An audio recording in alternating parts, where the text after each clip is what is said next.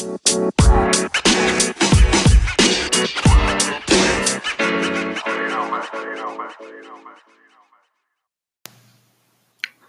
um, welcome back to Segeda Komentar Podcast. Um, this is technically not the second episode. I guess this is like a really weird second special episode slash weird. Know. So initially I want to do the podcast once a week. Terus gue gue tadi lagi ngobrol sama somebody who we sort of got into a discussion and I figured like, you know what, let's just record this and put it on the podcast.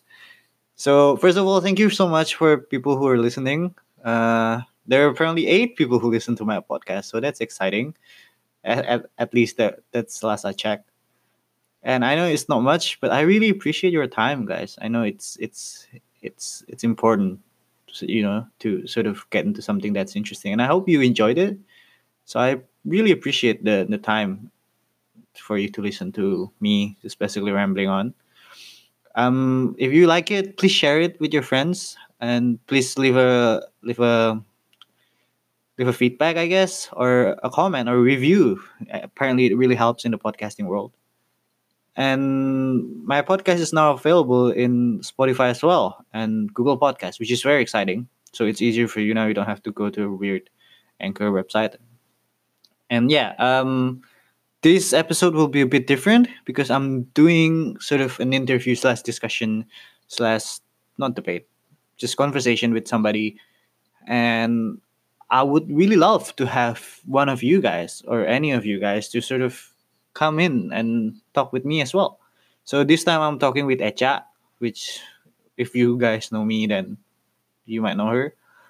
Uh, we're talking about the rape case, uh, kasus allegedly sexual harassment di not rape, I guess, alleged sexual harassment di UGM yang berujung damai. So it was originally I wanted for it to be like the second segment for this week's episode. Then we went on to talk for like half an hour. So I figured, you know what, let's just make it a dedicated episode, and I will continue with my sort of format in the last episode in for this week's this weekend's episode. So yeah, hope you guys enjoyed it. As I said, if you guys have topics in mind or have any criticism or if anything and or if you feel like, you know, talking to me about something that's really bothering you or some things that you feel like could have could ended up being in a really good discussion and people should listen to, then hit me up. Uh, you know my Instagram. You you probably know my number or you can email at sekedar, pod, sekedar komentar podcast at gmail.com. So yeah, I hope you enjoyed this episode and see you guys in the next one.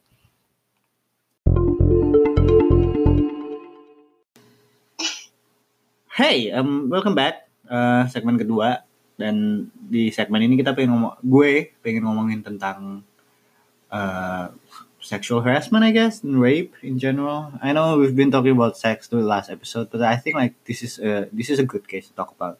And for this segment, gue ada tamu spesial. Uh, I don't know how to introduce her. Our relationship is a bit complicated right now, but um, yeah. Cak, silakan. Uh, halo pendengar podcastnya Rama, gue Echa some of you may have known me or mungkin belum ada yang pernah dengar juga. Ya. Uh, considering pendengar podcast ini adalah teman-teman terdekat gue. Jadi mungkin udah pada tahu anyway. So ya, yeah, um, jadi kita pengen ngomongin kita gue gue bawa Echa karena mungkin dia lebih tahu tentang case-nya dan feel like talking about rape as a guy alone is a bit bias apa innately bias in in itself. Jadi kayak aneh aja ngomongin itu tapi cuma cowok doang so I'm I'm bringing Echa here and probably Cha we can start with the with the with the topic I guess with the case. Uh, sebenarnya gue nggak mau ngeklaim kalau gue tahu banget soal kasus ini, but gue udah baca beberapa berita tentang kasus ini sih. So mungkin beberapa dari kalian juga ada yang tahu tentang cewek namanya Agni, uh, mahasiswa salah satu universitas negeri di Jogja. Nah, uh, Agni ini pada bulan Juni atau Juli 2017 kemarin ada KKN kerja kerja kelompok nyata kuliah kerja nyata kuliah kerja nyata sorry ya kuliah kerja nyata di Pulau Seram Maluku nah uh, pas lagi dia KKN itu dia uh, she experienced a sexual harassment from her friend. Jadi kenapa bisa sampai ada sexual harassment itu? Pas KKN itu kan mereka tinggalnya kayak di rumah-rumah warga ya. Nah, uh, si Agni ini one day main ke uh, rumah temannya ini, uh, si namanya HS, main ke rumahnya HS Wait, ini. so Agni namanya nggak disamarin tapi HS namanya disamarin. Di sini ada a little bit weird. Uh, actually nggak disamarin, karena namanya tuh Handika Saputra or Hardika. Oke okay, oke okay, oke. Okay. Ya yeah, ya yeah, oke. Okay. Sorry. Continue. Eh, kayak udah di udah di ini juga kok namanya di announce publicly ya main ke rumah itu I don't know uh, maybe they were talking about the tugas atau apa atau segala macam sampai tiba-tiba hujan gede karena itu kan di kepulauan ya Pulau Seram dan pasti kayak kalau malam cahayanya kurang apalagi ditambah hujan gede dan segala macam jarak antar rumahnya jauh-jauh sehingga Agni nggak bisa balik ke pondokannya dia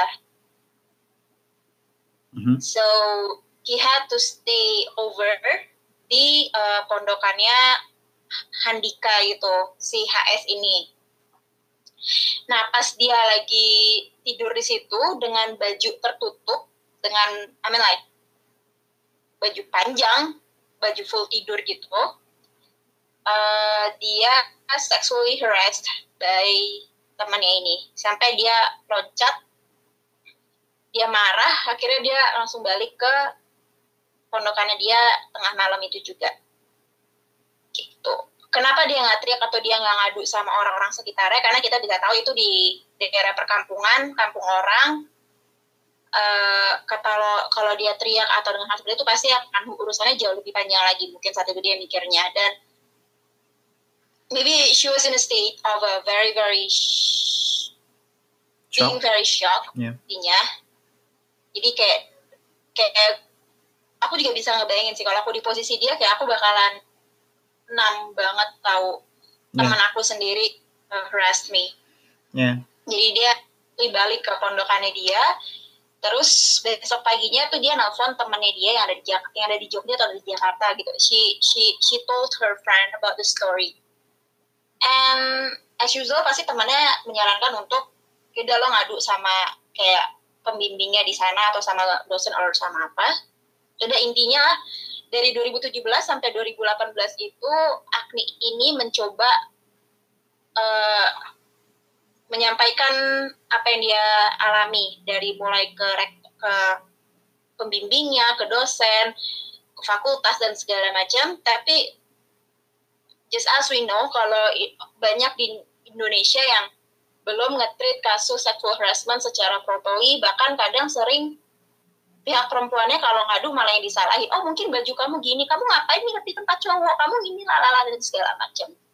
Hmm. sampai akhir akhir 2018 kemarin ada artikel dari majalah Balairu if I'm not mistaken yang yep. ngangkat kasus Agni. Menceritakan perjuangannya dia uh, dari yang dia masa dia di uh, harass itu terus dia lari ke mana-mana cari cari pertolongan cari pembelaan dan segala macam. Tapi she was ignored nggak dapat bantuan apa pun even dari kampus sampai kasus ini ke blow up. Benar-benar ke blow up itu sampai UGM rilis statement. Hmm, rilis statementnya cuma bilang mereka akan menindaklanjuti kasus ini tapi mereka tetap akan tetap tidak akan mengeluarkan mahasiswanya. In this case mengeluarkan si Agni ataupun si HS ini. Ya mereka tuh sama-sama di semester akhir deh kalau nggak salah. Oke. Okay. Gitu. terus long story short Iya, uh, Sabtu kemarin, eh tunggu tanggal 4 Februari, which is hari Senin kemarin, uh, muncul berita uh, kalau dari pihak UGM, Agni dan si HS-nya ini mereka sudah menandatangani surat yang menyatakan bahwa mereka akan damai. Mereka sudah damai dan pihak UGM so aku jadi nyebut nama kampusnya gitu tadi aku nggak nyebut nama kampusnya. Yes, okay. Ya, uh, udah damai dan kasus ini udah selesai tapi si baik si penyintas maupun pelakunya harus uh, tetap ikut konseling to support them supaya mereka bisa tetap lulus di bulan Mei 2019 ini. That's just basically the case sih. Yeah. So essentially ada unsur victim blaming, ada unsur sexual harassment, ada unsur apa ya? Uh, delegitimization karena aku inget banget waktu itu um, I think it was few months ago, six months ago maybe I was still in Jakarta I think. Kayak gue lihat artikel dari Balayong ini, terus kayak ada temen gue yang kakak kelas gue zaman SMA yang kayak sort of try to delegitimize the article by saying that oh ini artikel harusnya nggak nyebut nama atau ini artikel harusnya kayak terlalu terlalu expose atau something like that. So yang gue yang gue perhatikan sejauh ini adalah banyak attempt-attempt buat take attention away from the rape, take attention away from this, maybe it's not a rape, uh, take attention away from the sexual harassment, and just sort of like apa ya, shy away from the sex talk, and just sort of like uh, ngomongin tentang tangkapannya UGM atau ngomongin tentang victimnya herself kayak apakah victimnya tuh udah behave properly apa enggak. Kayak tadi kamu bilang dia ngapain ngapain dia main ke rumah temennya apa apa ngapain dia ngedatengin rumah rumah temennya malam-malam atau something like that. So questioning about the legitimacy of her character which is I guess the habit or the apa ya the go-to response to case like this in in in a society where sex is taboo and sex is something that's very precious. And it's very sad i guess because you know i know like uh, victim blaming uh, on the one hand kalau gue dan gue pernah ngomongin ini sama Eca gitu. Kita pernah ngomongin ini waktu yang aku aku sebut tentang episode there's one episode in the show newsroom which is very good. Kayak intinya ada korban pemerkosaan uh, yang bikin website basically uh, karena dia merasa tidak adil kasusnya tidak ditanggapi dengan benar dan dengan baik dan benar oleh pihak uh, berwajib dia bikin website untuk nge sort of ngeblow up nama nama orang yang dia accuse buat buat nge dia gitu. On the one hand that's that's sort of like a good thing to do. On the other hand it's it's an accusation still. Dan kalau it's her words against the others it's hard to prove sort of like what happens apalagi kalau nggak ada tes dan susah kan kadang sexual harassment kan uh, ada yang cuman even catcalling can be considered social apa uh, sexual harassment. So it's it's it's hard to sort of uh, draw the lines and sort of say that hey whose suicide is better or not. It's always the gray line and it's always the hardest. And anyway di di di series itu sih kayak one of the concern from the the, the main cast was that ya tapi gimana kalau ini cuma digunain sama cewek-cewek yang nggak terima diputusin cowoknya gitu? Kayak you you're, you're potentially ruining a career of a guy who might not do what he does because he he upsets a girl for saying no to them and stuff like that. And that's that's that's itu apa ya concern buat society yang udah maju banget gitu society yang udah melihat sexual harassment sebagai masalah dan tetap tetap struggle with different things sih. Tapi kayak di Indonesia mungkin sekarang masalah utamanya adalah orang nggak tahu sexual harassment itu apa. And well, what do you what do you feel being a girl in the in 2019 2018 in Indonesia in Jakarta? How do you feel safe? I guess. Uh, I don't which is sad. Apalagi kayak apalagi kayak aku commute tiap hari lumayan lumayan jauh kayak by the way gue rumahnya di Bekasi dan kantor gue di Blok M. Kalau nggak ada yang nggak tahu Bekasi itu di sampingnya Mars. Next to Venus yeah and Uranus. Haha. Oke okay, come, come, come, let's go. Okay. continue. Jadi kayak tiap hari gue harus commute pulang pergi kurang lebih tiga jam atau sampai empat jam kalau lagi perjalanan macet dan gue naik public transportation. Uh, pergi gue naik komuter lain pulang gue naik kayak bus kota gitulah pokoknya. Dan first thing first gue bersyukur banget dengan adanya gerbong perempuan di komuter lain. Which Karena is kan another another problem for our society, by the way. It's just Iya, biar kata orang itu bejat gencitannya parah, tapi I feel way safer in in gerbong perempuan ketimbang kalau gue harus masuk ke gerbong yang umum. Karena gue pernah punya pengalaman gak enak aja waktu gue harus naik kereta di gerbong yang ada laki-lakinya, and lumayan traumatis buat gue. Jadi gue lebih milih untuk naik di gerbong perempuan. Se hal apa pun itu. Terus kalau misalkan pulang gue naik bus kota, gue harus nyebrang ke terminal Blok M dari kantor gue. Dan mm, sering banget gue di catcall sama abang-abang di terminal itu. Bahkan gue sering kayak langsung protes ke Rama, bisa langsung nelfon ke Rama. Cerita gue sebel banget di, di catcall. And it was more than more than once, right? yeah, yeah. Iya, dan catcall itu udah bukan cuma sekedar yang kayak cewek, cie mau ke mana neng? Enggak, udah bukan yang kayak gitu, udah yang menjurus ke sexual like. Hmm, can I say it here? No, I, I, no, no. Like I mean, if you feel comfortable saying it, then you can say it. But like, I'm just gonna close my ear. La la la la la. Yes, ya eh, pokoknya udah udah menjurus ke arah eh, seksual dan bikin gue ngerasa nggak nggak nyaman banget. Dan di sana tuh banyak orang yang dengar, tapi mereka ya udah cuman diem aja. Yeah, and I guess that's the main point.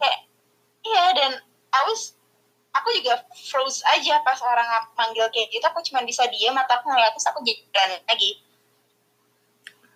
I didn't know exactly what to do actually.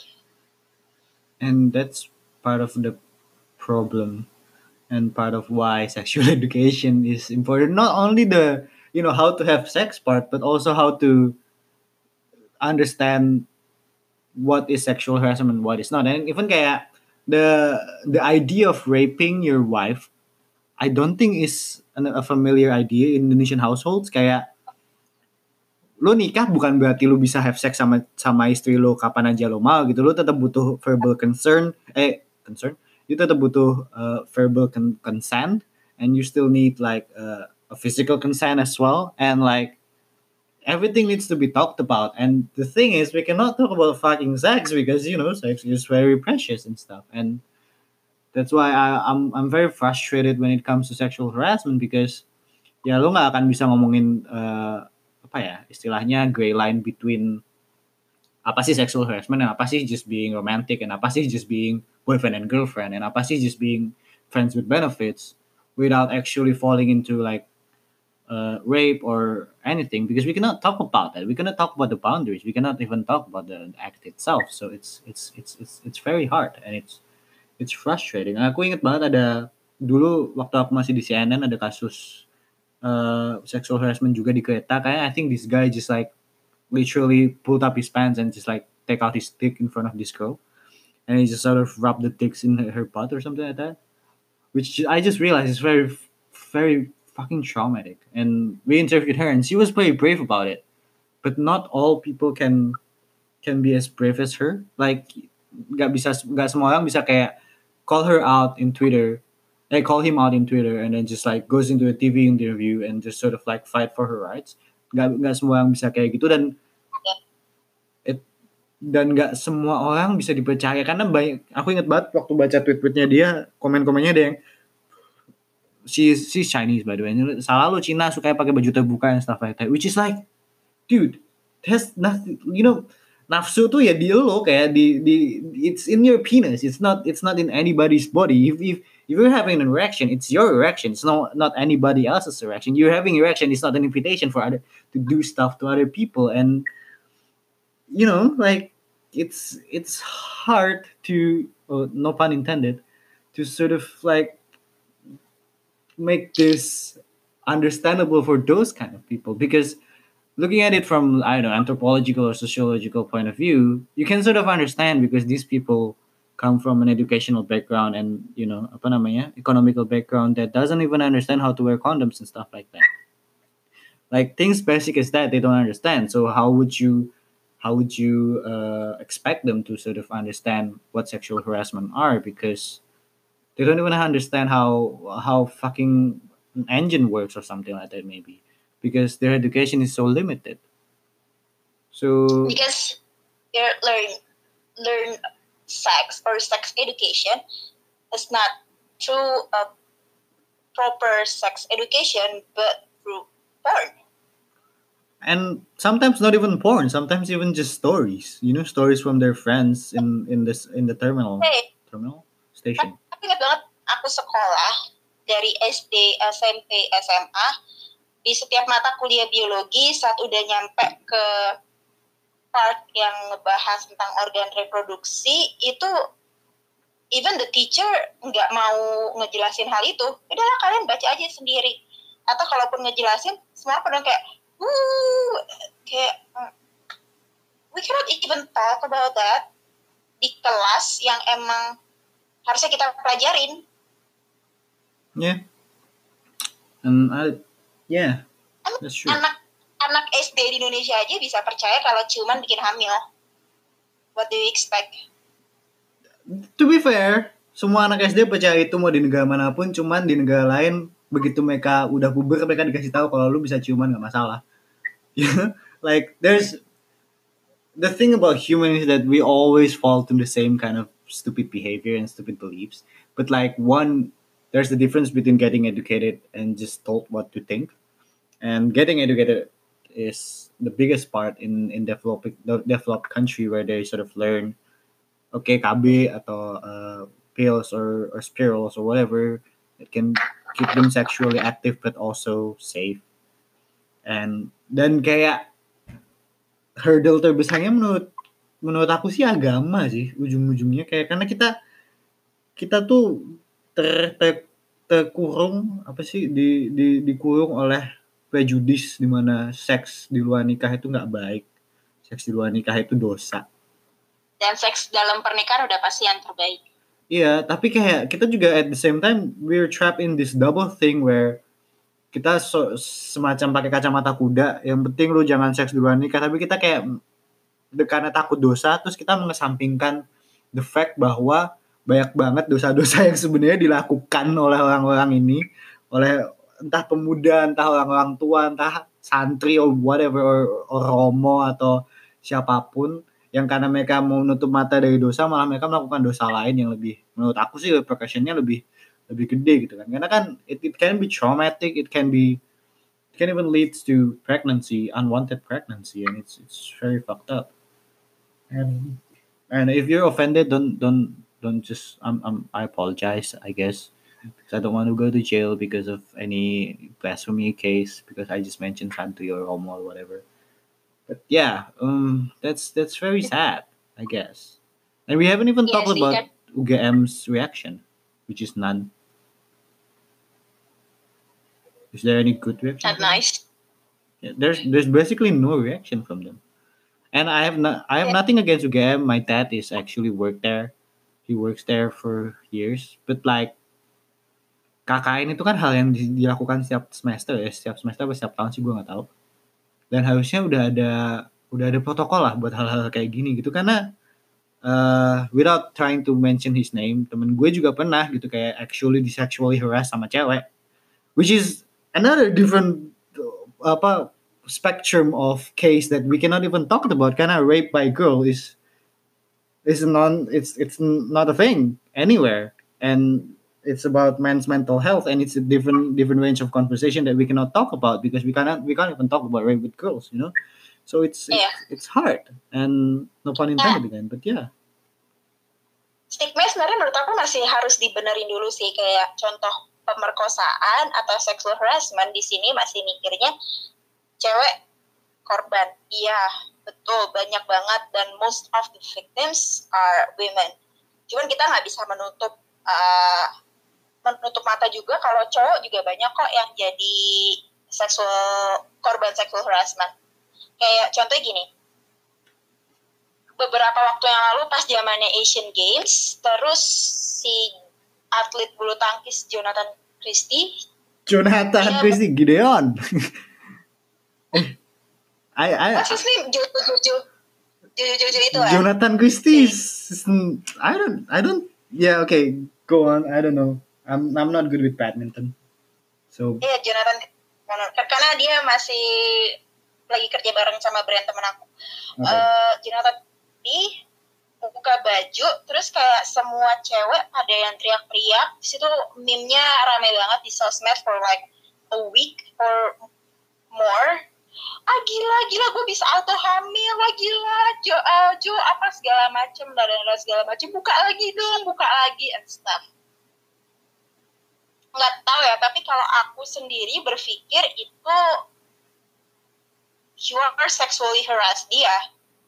Walaupun dia ngelakuin hal itu dengan secara sadar. Karena kalau kita balik misalkan contoh kita balikin ada cewek pakai celana pendek atau pakai baju terbuka di Instagram I mean pakai bikini lah upload foto pakai bikini di Instagram terus cowok-cowok pada komen gila seksi banget gila gue langsung ini gue langsung segala macam. Pasti orang pada kayak oh gila lo kurang ajar lo segala macam lalalalalalala tapi ini sebenarnya case-nya sama aja cowok berbaju seksi cewek berbaju seksi. Reactionnya sama aja bedanya cewek atau cowok. Jadi lumayan double standar dan menurut aku itu salah satu stigma yang harus dilurusin. Kalau cowok juga bisa jadi korban.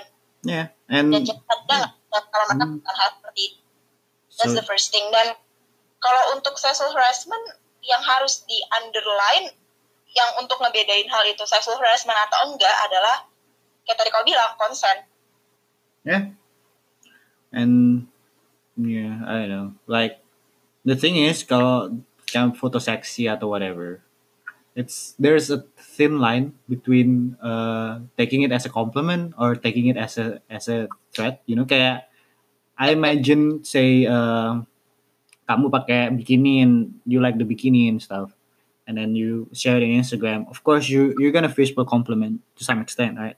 But like there's there's a line between cak lu wah gila seksi banget sama cak you make you kamu bikin aku erection.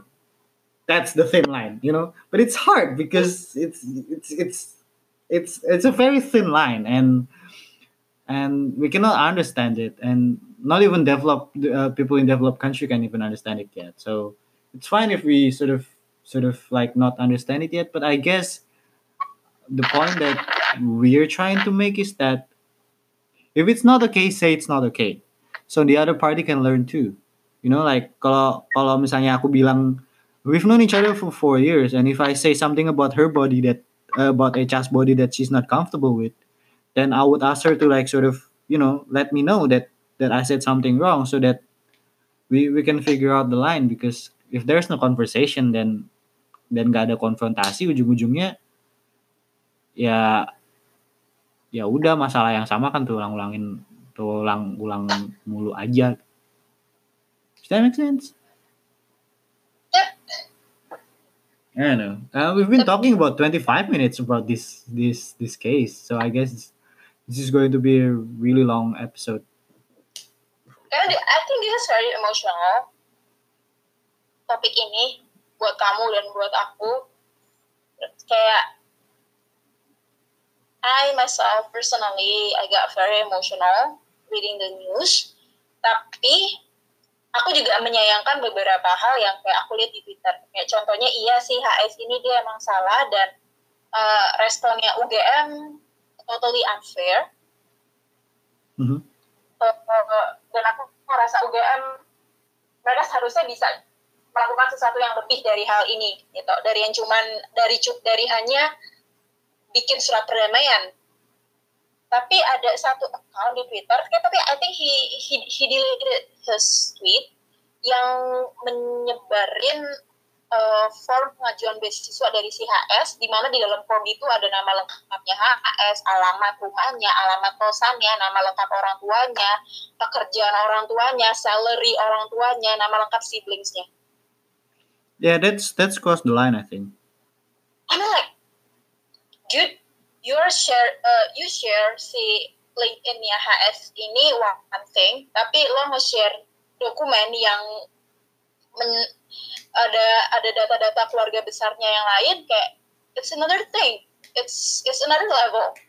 Yeah, yeah, and that's another discussion as well. That Nah, kayak ya iya gue juga nggak suka sama nih orang, gue juga no, nggak suka sama apa yang dia lakukan. Kayak nggak gitu juga caranya well I guess di Twitter tuh orang nyebarin LinkedIn-nya dia, screenshot LinkedIn-nya dia dan segala macam kayak wah ini harus disebarin nih di grup H di grup HRD biar orang kayak gini nggak bisa dapat kerja. I don't know. and that's the problem that I talked. That's why I talked about the newsroom episode because there's on my side and and I imagine on on most people's side there is no reason for us not to believe Agni's claim. You know, there is no reason for us to to not believe kayak ya kayak kasusnya Trump juga gitu sama kemarin siapa sih itu yang yang cewek yang apa uh, the I think she was a, a district attorney or something that reported him. Oh, not him. Um, Michael Cohen. Ada orang shift ininya. Eh kok Cohen sih? Siapa? Ya itulah yang yang di US lah yang yang sempet sampai hearing itu. Aku lupa ya nama-namanya. And I'm not good with names. Anyway, kayak there is no reason for for Di- for anybody not to believe the case, you know, because yang ngapain juga dia bakal malu-maluin dirinya sendiri ngaku di ngaku diperkosa gitu kalau memang nggak kejadian. Karena you need to remember that pe- for people to claim that she was she was raped it's also a big deal gitu. Karena it's not only about getting vendetta getting revenge against the people who raped them but like to acknowledge that that that, that horrible thing happened to them. And we need to always remember that and to to sort of claim that you were raped is to claim that you were to to sort of also confess that you were violated violated and that's that's a big thing in itself. So there's no no reason for me to not believe in acne gitu karena it takes a big bravery for her to come out. Cuma at the, at the other hand on the other hand it is also important to sort of uh, reserve pradukata bersalah terhadap terhadap orang yang di accuse gitu that's how the law works and that's how that's how everything works in this world that everybody have the the equal chance to be uh, apa ya to be treated fairly gitu dan to be judged fairly. And I feel like uh, as a very old and very respected institution uh, UGM should have especially dengan yang kayak aku bilang tadi dengan banyaknya uh, KKN yang mereka lakukan tiap tahunnya mereka harusnya udah punya protokol dan aturan-aturan tertentu yang mereka bisa bisa apa ya bisa go back to gitu dan bisa bisa sort of help them to figure out what to do gitu. Dan I feel like they don't have and I don't think any university have in this case. Let alone university I don't think any office have in this case. Because like Yeah. workplace is also another another place for sexual harassment to to occur as well and that's also a different kind of conversation that we cannot have because to to be able to have this kind of protocol is to to also have these kind of talks about sex which people are uncomfortable with Iya, even kadang kayak kalau orang lagi menceritakan tentang kasus dia di kena eh, kasus dia kena sexual harassment, kayak ngapain harus jelasin detailnya sih? Kan jadi kayak cerita. It's never easy to talk about sexual harassment, rape, apalagi eh kalau udah korbannya perempuan atau mungkin kalau kayak tanpa di kayak given the fact kalau misalkan ceweknya yang nyamperin ke rumah cowoknya atau ceweknya pakai baju pendek itu akan pasti semakin menyulitkan si status korban. Walaupun mungkin dengan dia pakai baju pendek atau dia pakai dia datang ke rumah bukan itu berarti dia minta diperkosa. Ya. Tapi kita juga nggak bisa tutup mata kalau sebenarnya banyak juga kok kasus pemerkosaan yang korbannya pakai baju panjang, pakai baju tertutup, atau korbannya masih anak kecil yang nggak tahu apa-apa. So really we cannot blame penyintas sexual harassment ini karena baju, karena attitude atau karena apa? Karena nobody's deserve to be raped. Hmm. Even even sama pasangannya sendiri itu. If you're still So- struggling, oh I'm so, sorry